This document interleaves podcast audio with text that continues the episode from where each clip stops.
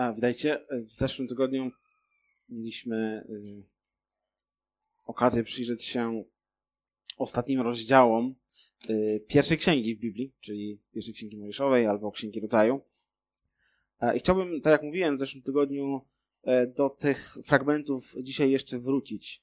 E, od no, jakiegoś czasu, od paru miesięcy studiowaliśmy i śledziliśmy historię człowieka imieniem Józef no i właśnie ta historia e, w ostatnich, księg, e, ostatnich rozdziałach Księgi Rodzaju się e, zamyka.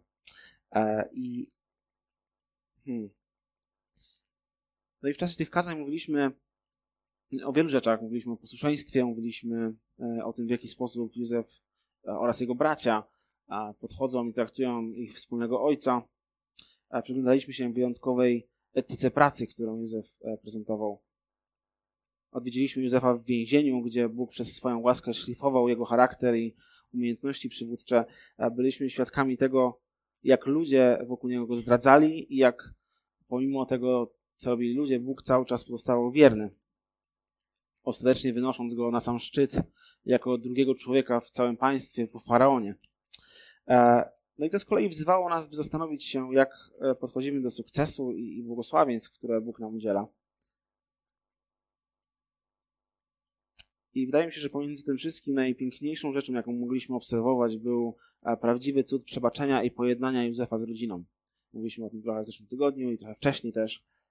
E, no i muszę przyznać, że to była naprawdę dla mnie wyjątkowa podróż e, przez Księgę Rodzaju, albo przynajmniej przez tą część od 39 rozdziału. I pamiętam, że podczas pierwszego kazania mm, cytowałem jednego z komentatorów, który pisze: Nie ma tutaj żadnych cudów. Bóg nie uchyla swoich naturalnych praw, żeby coś zrobić. Historia opowiada o ukrytej, lecz pewnej Bożej opatrzności. I rzadko kiedy Boża opatrzność jest tak wyraźnie widoczna w tak rozbudowanym fragmencie pisma. I wydaje mi się, że fakt, fakt, że to właśnie Boża opatrzność jest tutaj w działaniu, jest absolutnie kluczowy. I dlatego, że, tak jak mówiłem w zeszłym tygodniu, aby właściwie zrozumieć e, historię Józefa, i aby móc zastosować prawdy, które znajdujemy w tej, e, w tej historii, musimy być świadomi właśnie Bożej opatrzności, która wynika z Bożej suwerenności, z tego, że Bóg jest ponad wszystkim, że Bóg panuje nad wszystkim. E, no i docieramy w końcu do bardzo trudnego pytania, z którym dzisiaj przychodzi nam się zmierzyć. No bo skoro Bóg jest suwerenny, skoro Bóg panuje nad wszystkim, skoro Bogu nie wymyka się nic pod kontroli, to w jaki sposób ta Boża suwerenność ma się do cierpienia w moim życiu? Wszyscy doświadczamy e, rzeczy przykrych i wszyscy doświadczamy rzeczy, które e, są trudne. E, no i jak to jest, że Bóg pozwala nam cierpieć i dlaczego to robi? I chciałbym, żebyśmy dzisiaj powiedzieli o trzech rzeczach. Przyjrzeli się troszeczkę z lotu ptaka całej historii Józefa, ale skupili się właśnie na trzech rzeczach. Po pierwsze na na samym zagadnieniu Bożej suwerenności nad cierpieniem. Chciałbym powiedzieć, że Bóg jest suwerenny nad cierpieniem. A po drugie, chciałbym, żebyśmy odpowiedzieli sobie na pytanie, dlaczego Bóg naznacza swoje sługi cierpieniem? Dlaczego Bóg dopuszcza to cierpienie? I, I w końcu po trzecie, jaki jest ostateczny powód, dla którego cierpienie w ogóle istnieje? Więc Boża suwerenność nad cierpieniem, dlaczego Bóg pozwala, czy naznacza swoje sługi, a cierpieniem i dlaczego to, to cierpienie w ogóle istnieje. A pomódlmy się jeszcze na początek i przejdziemy do Bożego Słowa. Ojcze, dziękujemy Ci za y, kolejny dzień z Twojej łaski, kolejną niedzielę z Twojej łaski. Dziękujemy Ci też za to, że możemy wracać dzisiaj e, po raz ostatni już do e, historii Józefa i dziękujemy Ci za tę podróż przez e, Księgę Rodzaju, przez te wszystkie fragmenty, które uczyły nas tak wiele właśnie w głównej mierze na temat tego, jakim Ty jesteś suwerennym e, i absolutnym Bogiem, który, który panuje nad wszystkim niepodzielnie. E, I Panie, ta prawda jest dla nas bardzo istotna i musi być dla nas istotna w naszym życiu i prosimy Cię o to, byś zakorzeniał ją przez swoje słowo i przez swojego ducha i prosimy Cię teraz o ten czas, kiedy będziemy zastanawiać się nad trudnymi pytaniami na temat cierpienia, byś dawał nam e, zrozumienie tego, co Twoje słowo, co Twoje słowo na ten temat mówi. Amen. Pozwólcie, że, że przeczytam jeszcze e, raz te słowa, o których e, słuchaliśmy w zeszłym tygodniu. W 45 rozdziale, kiedy Józef rozmawia ze swoimi braćmi, w 45 rozdziale Księgi Rodzaju, od 5 wersu, mówi do nich, nie trapcie się, ani nie róbcie sobie wyrzutów, żeście mnie tu sprzedali, gdyż Bóg wysłał mnie przed wami, aby was zachować przy życiu. Bo już dwa lata trwa głód na ziemi, a jeszcze będzie pięć lat bez orki i żniwa. Bóg posłał mnie przed wami, aby zapewnić wam przetrwanie na ziemi i aby wielu zostało zachowanych przy życiu. Tak więc nie wyście mnie tu posłali, ale Bóg, który mnie ustanowił opiekunem Faraona i panem jego domu i władcą całej ziemi egipskiej. A Józef, i później w 50 rozdziale, w 19 wersecie czytamy, że Józef mówi do braci, nie bójcie się, czyż ja jestem na miejscu Boga? Wy wprawdzie knuliście zło przeciwko mnie, ale Bóg obrócił to w dobro, chcąc uczynić to, co się dziś dzieje, zachować przy życiu liczny lud. Więc e, po pierwsze, Bóg jest e, suwerenny nad cierpieniem. I na samym początku chciałbym nadmienić, że mm, książka zredagowana przez Johna Pipera i Justina Taylora, Suffering and the Sovereignty of God, uh, nie jestem pewien, czy ona jest przełożona na język polski, ale ona była mi niesłychanie pomocna. Ona ujmuje e, to zagadnienie cierpienia właśnie w wyjątkowo delikatny, szczery i bardzo, bardzo szeroki sposób. I naprawdę ją polecam szczerze, jeżeli ktoś jest e, zainteresowany zgłębieniem tego tematu, dlatego że no właśnie ten temat, z którym przychodzi nam się dzisiaj mierzyć, jest w szczególności trudny. I, i nie uda się wcale, że w ciągu tego czasu, który tutaj mamy, e, jesteśmy w stanie poruszyć wszystkie aspekty i wyczerpać go absolutnie. I, i jeszcze chciałbym nadmienić, że przychodzę tutaj, czy staję przed Wami z wyjątkową pokorą, dlatego że nie tylko temat jest trudny, ale ja również wiem i zdaję sobie sprawę, to, że wielu z Was doświadczyło w swoim życiu cierpienia i, i, i to bardzo szeroko i, i z wieloma trudnymi sytuacjami już musieliście się zmierzyć i musieliście się mierzyć z chorobami w rodzinie, ze śmiercią, z, z różnymi przykrościami, czy to w rodzinie, czy w kościele. I ja absolutnie e, nie czuję się osobą kompetentną, żeby ze swoich doświadczeń cokolwiek na ten temat mówić i kogokolwiek pouczać. A, ale pragnę więc przyjść tutaj przed, przed Was nie jako ktoś, kto wie o cierpieniu więcej albo rozumie pełniej cierpienie, ale przede wszystkim jako ktoś, kto y, chce zwrócić uwagę na to, co na ten temat ma do powiedzenia Boże Słowo. I mam nadzieję, że i modlę się o to, żeby to mi się udało zrobić. Więc e, pierwszą rzeczą i takim fundamentem, który musimy położyć, jest jasne określenie tego, że Bóg jest suwerenny ponad wszystkim. Suwerenny ponad wszystkim, a więc również nad naszym cierpieniem. I innymi słowy oznacza to, że wszystko, co nas spotyka, nie dzieje się tylko za Bożą wiedzą, nie dzieje się tylko jako coś, co Bóg przewidział, ale jako coś, co Bóg, na co Bóg pozwala i na co Bóg, co Bóg planuje. Co jest, coś, co jest całkowicie pod Bożą kontrolą i jest integralnym elementem Bożego planu.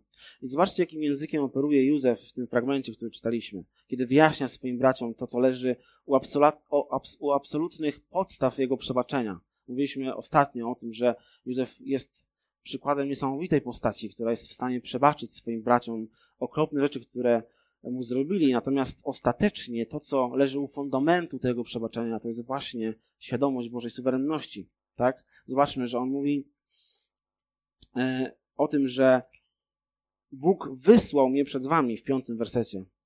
Bóg posłał mnie, aby wielu uratować w siódmym wersecie.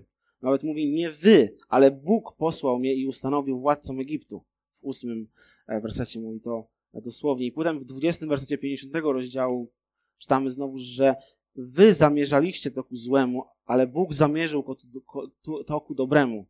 W taki sposób, wydaje mi się, powinno się ten, ten werset przetłumaczyć. On często jest troszeczkę inaczej tłumaczony, natomiast to, co on tam próbuje powiedzieć, to jest to, że oni planowali jedną rzecz, ale Bóg planował zupełnie coś innego. I to wskazuje bardzo mocno, te wszystkie rzeczy wskazują na to, że to nie było coś, pomimo czego Bóg działał, ale to było coś, w czym Bóg działał, albo przez co Bóg działał. Bóg to zamierzył, Bóg to zaplanował a, i, i Bóg to wykonał. I ciekawe jest to, że cokolwiek bracia Józefa zrobili, zrobili oczywiście z własnej woli i ponosząc za to odpowiedzialność. Józef tego nie wyklucza ani temu nie zaprzecza, ale to, co jest kluczowe, ich działania ciągle były jedynie elementem Bożego planu i miały poskutkować właśnie tym, co się wydarzyło. I Józef, patrząc na to z perspektywy czasu, widzi, że to jest oczywiste, że to Bóg jest tutaj suwerenny. I to jest rzeczywistość Bożego Słowa, z którą musimy się dzisiaj zmierzyć. Rzeczywistość bardzo niewygodna, trudna i w naturalny sposób może nawet budząca nas, nasz, nasz sprzeciw. Dlatego, że dlaczego Bóg planuje nasze cierpienie? Jak to pogodzić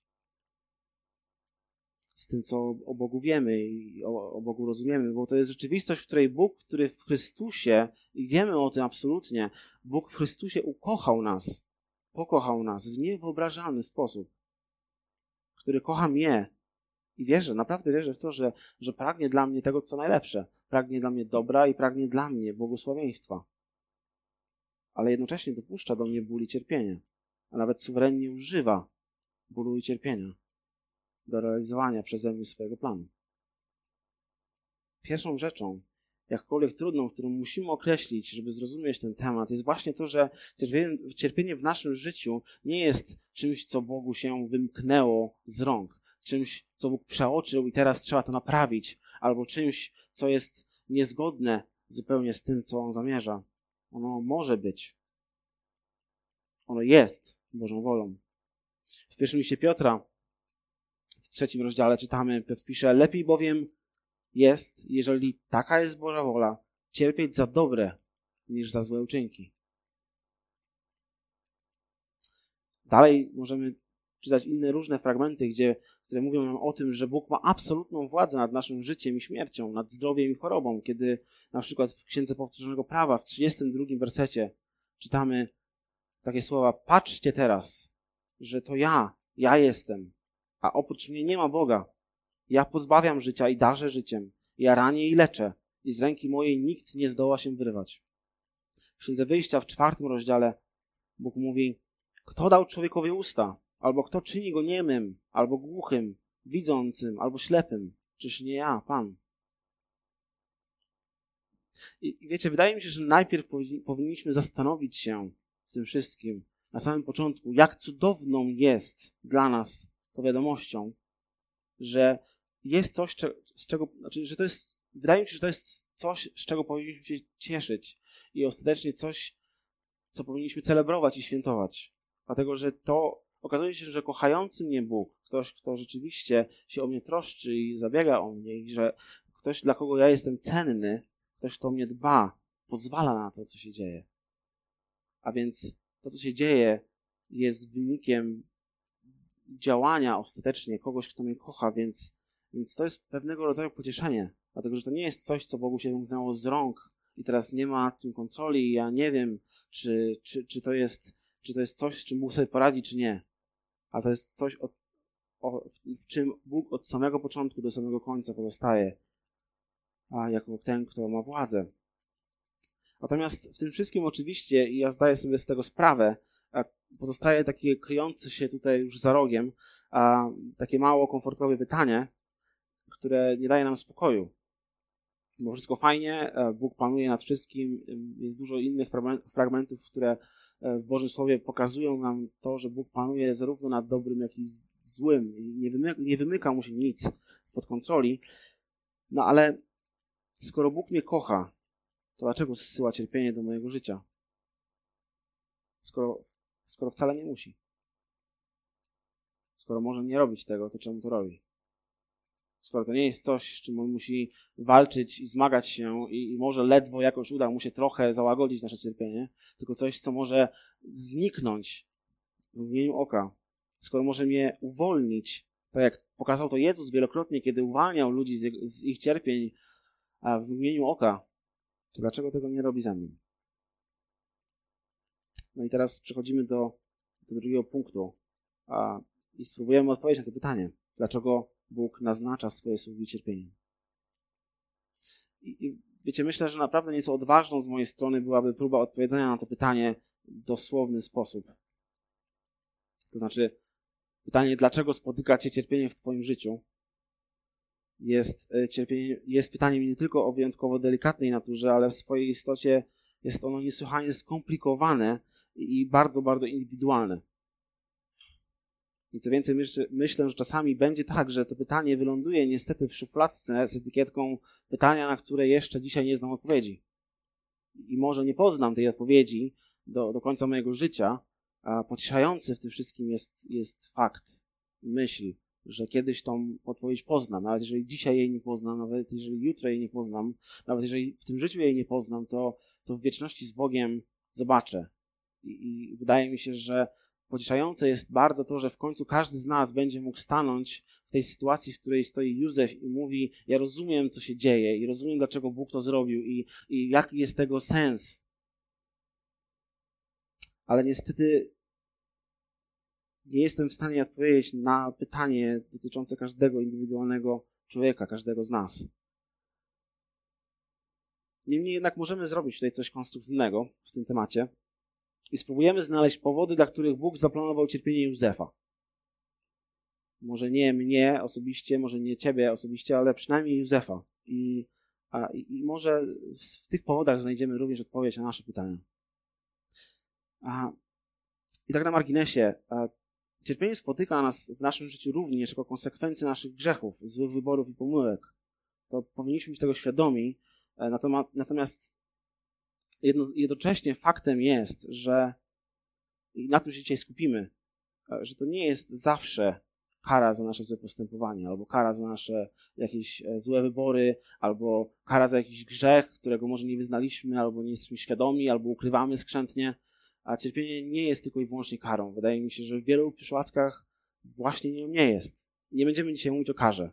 A wydaje mi się, że jeżeli ktoś jest e, czy mamy takie czasami podejście, że coś nas złego spotyka i się zastanawiamy za jakie grzechy i czasami wiemy za jakie grzechy. Nie chcę mówić o tych sytuacjach, ale właśnie o tych, kiedy nie wiemy, co się dzieje. Więc chciałbym zostawić nam pięć powodów. Wydaje mi się, że ogólnie można tak to ubrać. Pięć powodów, dla których e, Józef został przez Boga naznaczony cierpieniem. Po pierwsze, Bóg dopuszcza to cierpienie w życiu Józefa po to, aby zachować przy życiu liczny lud. I to jest podstawowy i chyba najbardziej oczywisty powód, o którym sam Józef otwarcie mówi w 45 i 50 rozdziale, często to powtarza. Bóg poprzez tragedię jednego człowieka zaplanował ratunek dla nieporównywalnie większej grupy osób. I gdyby Józef nie został sprzedany jako niewolnik do Egiptu, nigdy nie trafiłby przed faraona, a ten nigdy nie dowiedziałby się o znaczeniu swoich snów. Józef nigdy nie stałby się zarządcą Egiptu, nie tylko jego rodzina umarłaby z głodu, ale niepoliczalna ilość innych ludzi, Egipcjan i okolicznych ludów, którzy, które dążyły czy jeździły do Egiptu po to, żeby kupić jedzenie, kiedy, był, kiedy była susza. Cierpienie Józefa staje się kluczem, narzędziem, by ocalić wielu, zupełnie tego faktu nieświadomych. Nikt nie wiedział o tym, że Józef tak bardzo cierpiał. Dalej, co więcej, pośrednio wydaje mi się oczywiście, ale cierpienie Józefa ocali, ocaliło również mnie i ciebie w pewnym sensie. Dlatego, że to właśnie dzięki niemu ocala, ocalała linia Judy, jego brata. I kilkanaście stuleci później, właśnie w tej linii urodzi się Jezus Chrystus. Cierpienie Józefa było środkiem, jednym z wielu precyzyjnych elementów Bożego planu zbawienia i odkupienia Kościoła. I myślę, że nie popełnimy błędu mówiąc, że było ono dopełnieniem cierpienia Jezusa. Apostoł Paweł mówi właśnie o czymś takim, kiedy pisze w drugim liście do Koryntian, w pierwszym rozdziale, w piątym wersecie e, pisze, bo jak liczne są cierpienia Chrystusowe wśród nas, tak też i przez Chrystusa obficie spływa na nas pociecha. Jeśli wtedy utrapienie nas spotyka, jest ono dla waszego pocieszenia i zbawienia. Bo jak liczne są cierpienia Chrystusowe wśród was. I apostoł Paweł mówi, że że nasze cierpienia czasami służą czemuś większemu, czemuś większemu, co jest w Bożym planie. I mówi, on nazywa to cierpieniami Chrystusowymi, po to, żeby, po to, żeby pokazać, że to jest dla waszego pocieszenia i zbawienia. To, że oni cierpią, to, że apostoł Paweł cierpi, służy Bogu po to, żeby zbawiać innych ludzi.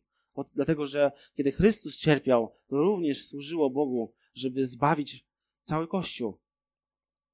Byli inni ludzie, którzy taki obrazowy niedokładny sposób można by było wykorzystać to, co Paweł pisze mówi, i, i, i mówi, czy, czy, i powiedzieć, że nasze cierpienia również mogą dopełniać męk Chrystusowych, po to, żeby Bóg mógł a, wykorzystywać je do swojego planu. I tak jak Bóg użył cierpienia Chrystusa, by nas uratować od śmierci, tak też użył, użył cierpienia Józefa, by to umożliwić. I myślę, że może być tak, i na pewno tak jest, i na pewno spotkaliście się w swoim życiu z sytuacjami, w których Bóg używa naszego cierpienia, by błogosławić innych. Czy więc każdy Twój ból, cierpienie i zawód ma jakiś większy, transcendentny cel? E, czasami jako ludzie lubimy się tak pocieszać, e, że wszystko dzieje się z jakiegoś powodu i wiedzieć, że nasze cierpienie służy jakiemuś tam większemu celowi, a i na pewno Bóg to jakoś zaplanował. I w pewnym sensie tak jest. Ale nie wiem, czy powinniśmy szukać i wypatrywać czegoś większego. To znaczy, nie wiem, naprawdę nie wiem. Ale jestem pewny, że cierpienie w Twoim życiu nie jest bez sensu. Nawet jeżeli nie będzie miało ono gigantycznego efektu na innych. Nawet jeżeli nie okaże się, że przez nasze cierpienie dzisiaj Bóg zbawi niepoliczalną ilość osób. Nawet jeżeli okaże się, że przez moje cierpienie nie ocalę życia nie wiadomo ilu osobom, to to nie oznacza, że moje cierpienie nie jest częścią Bożego planu i czemuś nie służy. Po drugie, Bóg dopuszcza cierpienie Józefa, aby być z nim, albo aby iść razem z nim przez Dolinę Śmierci. I wielokrotnie na kartach całej tej historii spotkamy fragmenty, które podkreślają fakt, że Bóg był z Józefem w 39, 41, 48 rozdziale. I wiecie, myślę, że to nie jest przypadek, dlatego że okazuje się, że cierpienie jest czymś, co Bóg wykorzystuje, by nas wychować, rozwijać i uświęcać. Ale naprawdę myślę, że to jest wspaniałe, dlatego że Bóg nie posyła nas między trudności samemu, dlatego że On jest w procesie z nami, w tym, w tym cierpieniu z nami. I to jest wyjątkowo ważna lekcja. I kiedy Dawid, król Dawid, pisze o smutnych okolicznościach życia w Psalmie 23, to wspomina właśnie o tej rzeczywistości. Mówi: Nie ulęknę się zła, nie ulęknę się przez, idąc przez dolinę śmierci, boś ty ze mną. Bo jesteśmy w tym razem, bo idziemy razem. I świadomość Bożej suwerenności oraz Bożej obecności w cierpieniu może być dla mnie zarówno lekcją na temat Boga, ale również lekcją na temat zaufania, wyzwaniem. Zobacz, jesteśmy w tym razem, idziemy razem. W tym, że ja mogę spojrzeć na Boga, który jest w tym ze mną. Ale oprócz tego jest niesamowitym pocieszeniem, dlatego że w Chrystusie Bóg jest, znaczy nie jest biernym obserwatorem, kimś, kto to cierpienie zna tylko teoretycznie, kto tylko idzie z nami obok, ale tak naprawdę nie odczuwa tego, co my czujemy. I w liście Hebrajczyków w drugim rozdziale, w 18 wersie, autor mówi, że Jezus sam przeszedł przez cierpienia i próby, a więc może dopomóc tym, którzy przez próby przechodzą. Jeden więc z powodów, dla których cierpimy, jest nauczenie się tego, że Bóg jest. Że Bóg jest. Że jest ze mną. Że nie tylko powinienem, ale mogę na nim polegać. Że jesteśmy w tym razem. Dlatego, że On też przez to przeszedł i teraz ze mną jest. I był z Józefem. I Boże Słowo wielokrotnie Wielokrotnie to powtarza i podkreślam. W końcu po trzecie, Bóg zrobił to, aby przygotować Józefa do przywódczej roli. I dalej w liście do Hebrajczyków znajdujemy kolejny piękny fragment, który trochę nam pomoże to zrozumieć. W czwartym rozdziale, w piętnastym wersecie czytamy, że nie mamy bowiem arcykapłana, i on tutaj mówi o Jezusie, który jest arcykapłanem. Nie mamy bowiem arcykapłana, który by nie mógł współczuć ze słabościami naszymi, lecz doświadczonego we wszystkim, podobnie jak my, z wyjątkiem grzechu. Przystąpmy tedy w modlitwie z ufną odwagą do tronu łaski, abyśmy dostąpili miłosierdzia i znaleźli łaskę ku pomocy w stosownej porze. Widzicie, cierpienie może być jak najbardziej czasem próby naszej wiary, może być pewnego rodzaju testem naszego gruntowania i zaufania Bogu. Lecz wydaje mi się, że powinniśmy na nie patrzeć jako na coś, co może pogłębić naszą wiarę, popchnąć dalej nas w procesie uświęcenia. Jako na coś, co może oczyścić nas z tego, co nie jest dobre w naszym życiu. I cierpienie będzie procesem, podczas którego będziemy mogli wydobywać na światło dzienne większe i większe pokłady cierpliwości i posłuszeństwa. I to jest coś, czego niesłychanie potrzebujemy. Cierpliwość i posłuszeństwo. Nie wiem, gdzie byśmy byli teraz, w jakim miejscu by, był, by, byłoby wielu z nas, gdyby nie właśnie cierpienie, którego doświadczyliśmy w naszym życiu. I posłuszeństwo, i cierpliwość, i zaufanie, których się nauczyliśmy.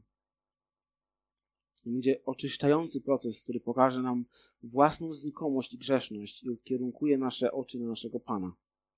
I, I, wydaje mi się, że w przypadku Józefa widzimy, że to, że to wszystko, czego doświadczył, wpłynęło na jego charakter. Wypróbowało go, uformowało go jako dojrzałego i lojalnego Bożego sługę.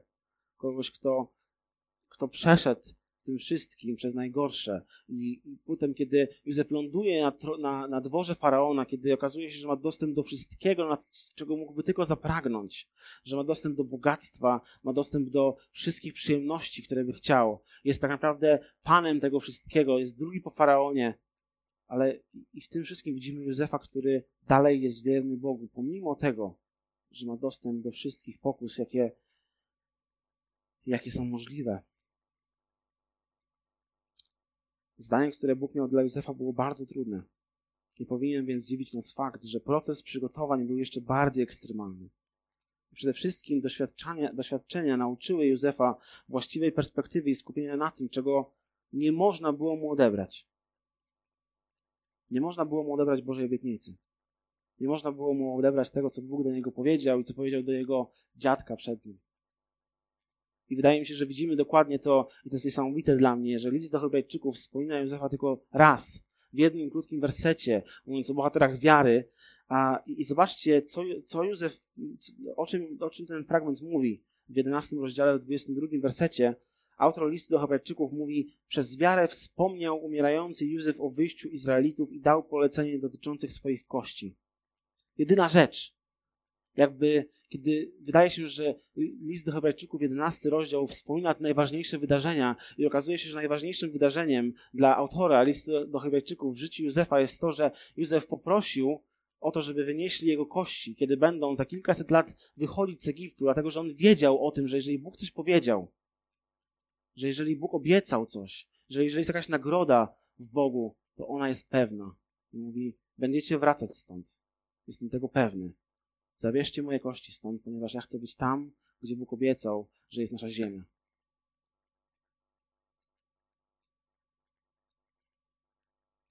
W końcu po czwarte, Bóg posyła przez cierpienie Józefa do tych, którzy nie znają Boga. Jedną z spraw, które powinniśmy wyciągnąć z pisma, jest lekcja o tym, że komfort, wygoda, bezpieczeństwo, bogactwo, wolność a one często są przeszkodą dla Kościoła, absurdalnie rzecz ujmując, albo to wydaje się, że jak na ironię, właśnie rzeczy, które są pożądane, których, do których, które nie są same w sobie złe, a i w naszym mniemaniu ułatwiłyby i napędziłyby nasze działania misyjne. Jakbyśmy mieli więcej pieniędzy, to byśmy więcej rzeczy mogli robić. Jakbyśmy e, mieli mniej pracy, to byśmy mieli więcej czasu, żeby coś robić dla Pana Boga. Jakbyśmy nie byli tacy zmęczeni, to, to byśmy mogli robić rzeczy i tak dalej. Wydaje się, że jak na ironię, kiedy właśnie mamy mało pracy, a mamy dużo, jest nam wygodnie i bezpiecznie, wtedy nasza misyjna działalność wcale się nie rozwija i możemy to obserwować w dziejach apostolskich, ale dokładnie to samo widzimy w historii Józefa. Józef zostaje porzucony, sprzedany do niewoli po to, żeby być w Egipcie i właśnie tam, w ciężkim, obcym i wrogim miejscu, być świadkiem Bożej łaski, Bożej władzy 39 rozdziale czytamy, że Potyfar, który kupił go jako niewolnika, czytamy o tym, że on widział, że Bóg jest z Józefem. I od razu, kiedy czytamy takie zdanie, pojawia się pytanie, skąd on mógł wiedzieć, że Bóg jest z Józefem, kiedy on o żadnym Bogu nie słyszał. I myślę, że odpowiedź nasuwa się sama. Józef musiał o tym Bogu mówić. W 41 rozdziale czytamy o tym i widzimy bardzo wyraźnie, że Józef wprost mówi na temat Boga kiedy rozmawia z faraonem. I w perspektywie Nowego Testamentu widzimy, że czasem to właśnie cierpienie wprost wspiera misyjne posłannictwo, by iść. Zostaliśmy powołani właśnie również po to, żeby iść. Czasami cierpienie jest tym, co, e, co zmusza nas po to, żeby, do tego, żeby iść. I zawsze, również wtedy, kiedy cierpimy, jesteśmy naśladowcami, reprezentantami naszego Pana. I musimy o tym pamiętać wyjątkowo łatwo się skupić na własnych uczuciach, na własnym smutku, na własnym cierpieniu i, i tym samym usprawiedliwiać swoje niewłaściwe zachowanie wobec innych. Ale prawda jest taka, że nawet oblicze tragedii może być dla ciebie Bożym powołaniem. Nawet wtedy, kiedy coś się posypało, a może być to okazja do tego, żeby świadczyć i żeby, żeby pokazywać innym na, na Boga. A nawet, co więcej, cierpienie może być ceną, którą zapłacisz za, za to, żeby inspirować odwagą innych. Twoje cierpienie może być ceną, która popchnie innych do działania. Wielokrotnie w historii a, Kościoła i, i również w Bożym Słowie widzimy, że właśnie tak było. Że cierpienie Szczepana wyzwoliło a, pewne, pe, pewne działania w życiu Kościoła. I wiecie, wspólne cierpienie i wspólne współodczuwanie tego cierpienia są niesamowitymi narzędziami w Bożym planie. W liście do Filipian czytamy, że większość braci w Panu nabrała otuchy z powodu więzów moich i zaczęła z większą śmiałością, bez bojaźni, głosić Słowo Boże. Większość braci w Panu nabrała otuchy z powodu więzów moich, Paweł mówi. Ja cierpię, ale to innych posyła i wypycha do tego, co ja nie mogę robić. Z większą śmiałością, bez bojaźni. Odwaga. Głoszę Słowo Boże. I w końcu po piąte, ostatni powód.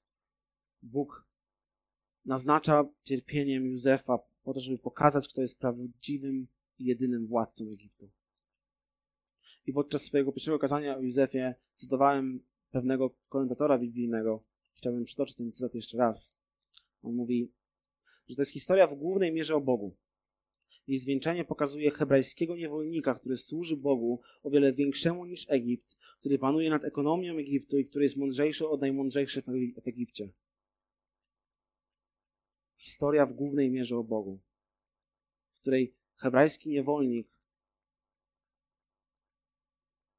który został skazany na więzienie, a można powiedzieć przestępca i i ktoś, kto, kogo się nie słucha i na kogo się nie patrzy, zostaje wyniesiony do najwyższego urzędu w państwie.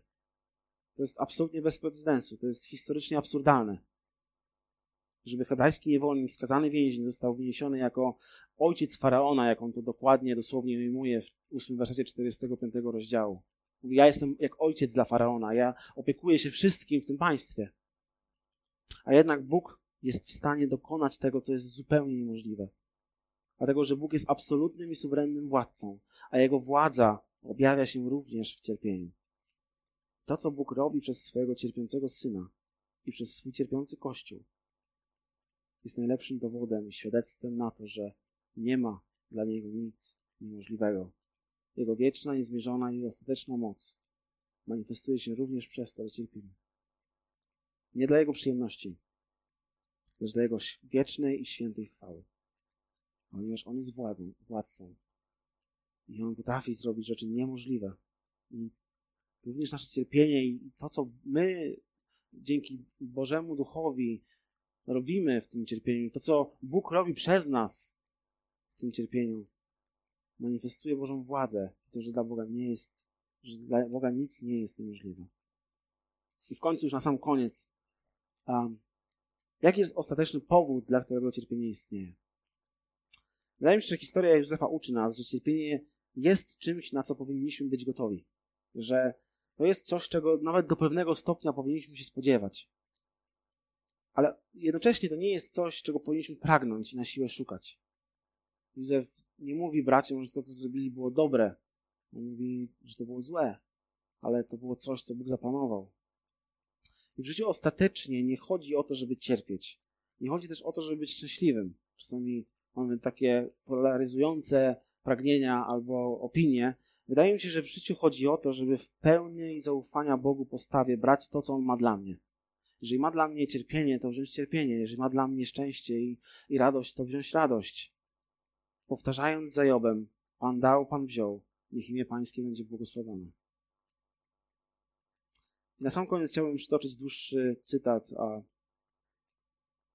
Johna Pipera, amerykańskiego pastora i teologa, a właśnie w tym temacie.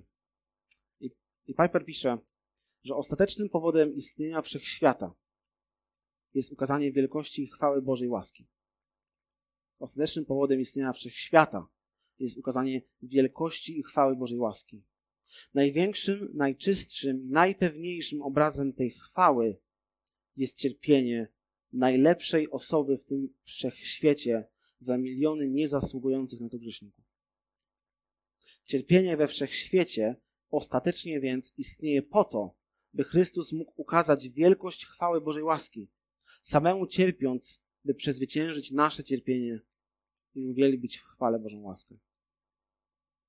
Czy więc jesteśmy zdrowi, czy niepełnosprawni? Cierpiący straty, czy cieszący się z, towarzysz, z towarzystwa bliskich? Doświadczający bólu, czy przyjemności?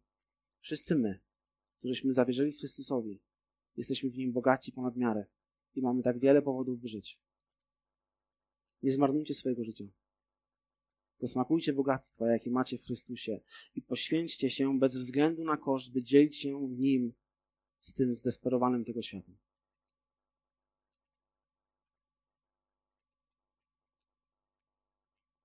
Czy jesteśmy zdrowi, czy niepełnosprawni, cierpiący straty, czy cieszący się z towarzystwa bliskich, czy doświadczamy bólu, czy przyjemności. Wszyscy my, którzyśmy zawierzyli Chrystusowi, jesteśmy w Nim bogaci ponad miarę. Mamy tak wiele powodów, by żyć. Więc podsumowując, Bóg jest absolutnie, wiecznie, pełen mocy, suwerenny ponad wszystkim. Nic nie wymyka mu się spod kontroli. Również to, że cierpimy. Również to, że doświadczają nas trudne i, i smutne rzeczy w tym świecie i w tym życiu. A Bóg dopuszcza i planuje nasze cierpienie dla swoich celów. I widzimy na przykładzie Józefa, że Bóg ma swój wielki plan i, i, i cierpienie Józefa chce zachować przy życiu liczny lud, ale to nie wszystko. On w tym cierpieniu jest z nim i chce być z nim i chce uczyć go polegania na sobie, chce go rozwijać i przygotowywać do przywódczej roli, do roli, którą ma dla niego przygotowaną. Chce go posłać do tych, którzy nie znają Boga, do tych, którzy siedzą w więzieniu, albo do tych, którzy są w państwie, które go w ogóle nie zna. I ostatecznie chce pokazać, kto jest prawdziwym władcą Egiptu. Kto jest ostatecznym i suwerennym, największym władcą. Ale ostatecznie, w pełni, widzimy, że, że największym i najważniejszym powodem, dla którego cierpienie istnieje, jest właśnie to, że Chrystus cierpiał za nasze grzechy. Że Chrystus poszedł na krzyż po to, żeby cierpieć za grzechy swojego Kościoła, po to, żeby odkupić grzechy swojego Kościoła, po to, żeby zbawić nas z naszych upadków, z naszych, z naszych win i z naszego buntu przeciwko Bogu, po to, żeby umożliwić nam w Jego, w Jego ofierze, w Jego łasce, w Jego krwi, umożliwić nam z powrotem przyłączenie do Boga, z powrotem społeczność z, Bo z Bogiem, przebaczenie i obietnicę wieczności. Wieczności, w której, jak czytamy, nie będzie już płaczu, nie będzie już cierpienia, nie będzie już znoju i nie będzie już wszystkich tych rzeczy, które tak bardzo a, doświadczają nas w tym życiu. I to jest coś absolutnie niesamowitego. A, i, I moją modlitwą jest, byśmy a, właśnie w zaufaniu Bogu potrafili spojrzeć na to tak samo jak Józef, który umiera i mówi: Boże, obietnice są pewne. Ja wiem, że to życie było pełne cierpienia, ale zabierzcie moje kości do ziemi, którą Bóg obiecał. I wiem, że może nasze kości fizycznie nie trafią e, do żadnej konkretnej ziemi, którą Bóg obiecał, a, ale wiem, że nasza, nasza dusza, nasze nowe ciała trafią do, tej, do, do, do lepszej ziemi, do lepszego miasta, a do nowej ziemi, do nowego nieba, a i tam będziemy mogli być przez wieczność z Bogiem. Niech nas Bóg błogosławi w tym. Amen. Postajmy do modlitwy.